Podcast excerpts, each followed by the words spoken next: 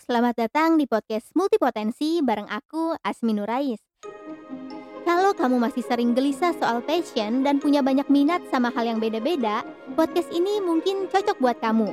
Di sini kita bakal belajar bareng soal menjadi seorang multipotensi, alias orang yang punya banyak ketertarikan dan creative pursuit atau semacam keinginan untuk menciptakan sesuatu gitu. Jadi, ambil cemilan kamu, siapin alat tulis kalau diperlukan, dan selamat mendengarkan.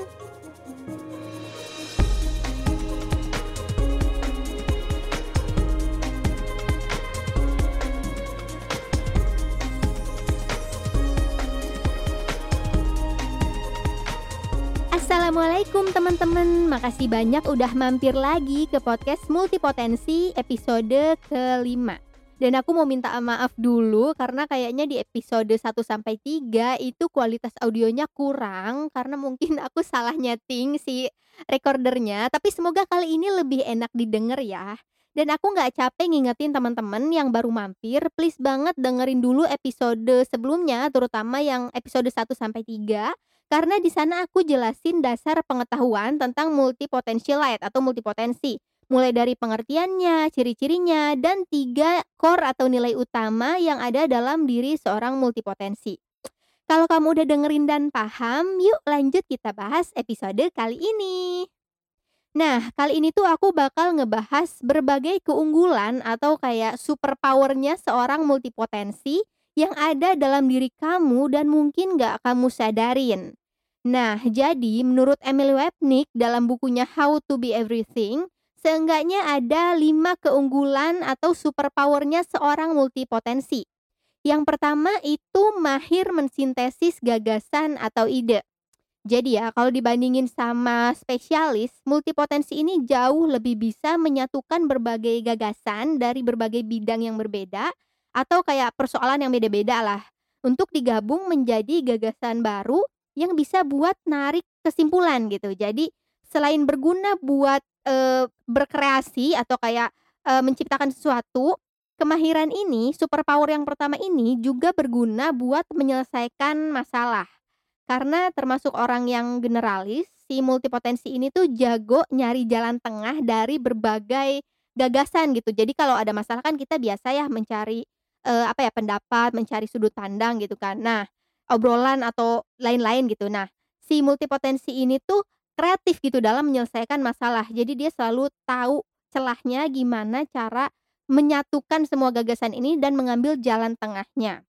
Makanya mereka sering banget disebut orang yang kreatif atau kayak dewasa cara pikirnya atau mungkin bahkan disebut open minded gitu. Nah, kenapa bisa gitu? Karena orang multipotensi ini punya keunggulan yang kedua yaitu rapid learner atau kayak pembelajar yang cepat lah istilah gampangnya mah. Nah, multipotensi ini kan sebenarnya bukan dari lahir udah jadi rapid learner ya. Jadi bukannya udah pinter belajar dari lahir, tapi tuh dia kayak kebentuk seiring waktu karena dia udah kebiasa ganti-ganti hobi, ganti-ganti keinginan, ganti-ganti cita-cita dan passion gitu. Jadinya mereka tuh udah kebiasa jadi pemula lagi dan lagi tiap kali mencoba memulai atau mempelajari sesuatu gitu. Nah, tapi waktu memulai mereka tuh bisa sangat-sangat passionate sama apa yang dilakukan, kayak semangat banget gitu. Semangatnya tuh bahkan bisa setara sama orang yang sejak awal tuh udah tahu maunya apa.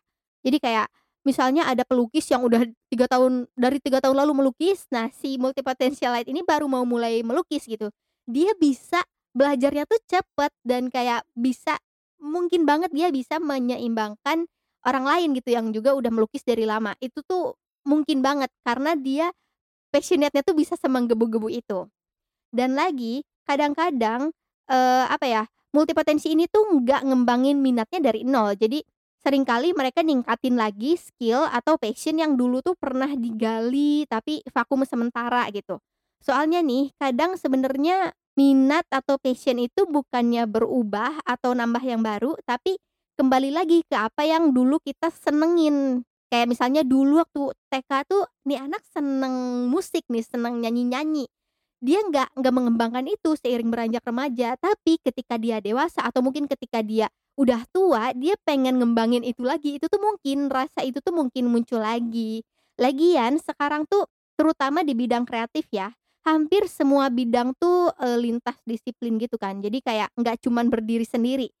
Eee, jadinya skill multipotensi ini yang ada beberapa yang nggak cuma satu ini, nggak dikembangin dari nol banget tiap dia mengerjakan sesuatu atau kayak mendapat job, mengerjakan suatu pekerjaan gitulah intinya secara profesional gitu. Jadi dia sering kali meng melakukan atau memanfaatkan si multi multi passion dan memanfaatkan multi skill-nya ini di dalam pekerjaan yang dia lakukan. Nah, kemampuan rapid learning ini yang bikin multipotensi punya keunggulan yang ketiga, yaitu adaptif terhadap perubahan dan perbedaan. Para multipotensi ini kan jadi kebiasa terlibat dalam berbagai pekerjaan di lingkungan yang beda-beda. Terus kayak terhubung sama orang yang skill dan tipe orangnya tuh beda-beda gitu. Ini terlepas dari kepribadiannya termasuk introvert atau ekstrovert ya, karena didapat bukan berdasar kepribadian, tapi emang dari latihan yang terus-menerus sejak lama, disadari atau enggak gitu. Nah, keunggulan inilah yang bikin beberapa multipotensi, termasuk aku sendiri sih, lebih memilih buat sorry to say, pindah-pindah tempat kerja atau pindah-pindah peran kerja. Karena kalau aku pribadi, aku saat ini lebih nyaman bekerja lepas alias freelance gitu. Jadi aku lebih memilih kerja kontrak sama orang yang beda-beda dibandingkan, eee, tetap bekerja pada satu tempat atau satu jenis pekerjaan terus-menerus gitu. Soalnya kan, eee, kalau ditarik garis besarnya ya, multipotensi ini tuh terlatih untuk menyesuaikan diri dalam budaya kerja yang beda-beda. Jadi kayak kalau aku pribadi Eee, dan aku juga baca di bukunya Emily Wapnick, orang-orang multipotensi ini tuh jadi terbiasa, terlatih atau melatih diri untuk beradaptasi di kondisi ekonomi yang beda-beda gitu. Jadi mau, eee, gagal, oke coba lagi lah, mau bangkrut bukan bangkrut sih maksudnya nggak sampai bangkrut tapi bisa jadi kondisi keuangannya minim gitu. Terus kayak ya udah sabar nanti juga bangkit lagi meskipun ya sakit juga. Terus mau jatuh, hmm, nggak apa-apa ya sedih dulu, kecewa dulu, nanti kita lanjut berjuang lagi yuk dari awal dari nol lagi nggak apa-apa, kayak gitu. Nah yang keempat, multipotensi ini mereka cenderung big picture thinker gitulah. Jadi semacam bisa mikirin garis besar dari suatu gagasan. Karena multipotensi ini punya ketertarikan sama lebih dari satu hal, mereka jadi kebiasa nyari tahu, riset, belajar lagi dan lagi, brainstorming sama banyak orang dari berbagai bidang dan Mengkonsep berbagai ide atau gagasan jadi suatu bentuk yang lebih solid gitu. Nah itulah yang bikin kebanyakan multipotensi itu nggak berpikiran sempit karena mereka terbiasa kerja interdisiplin, eh maksudnya lintas disiplin gitu.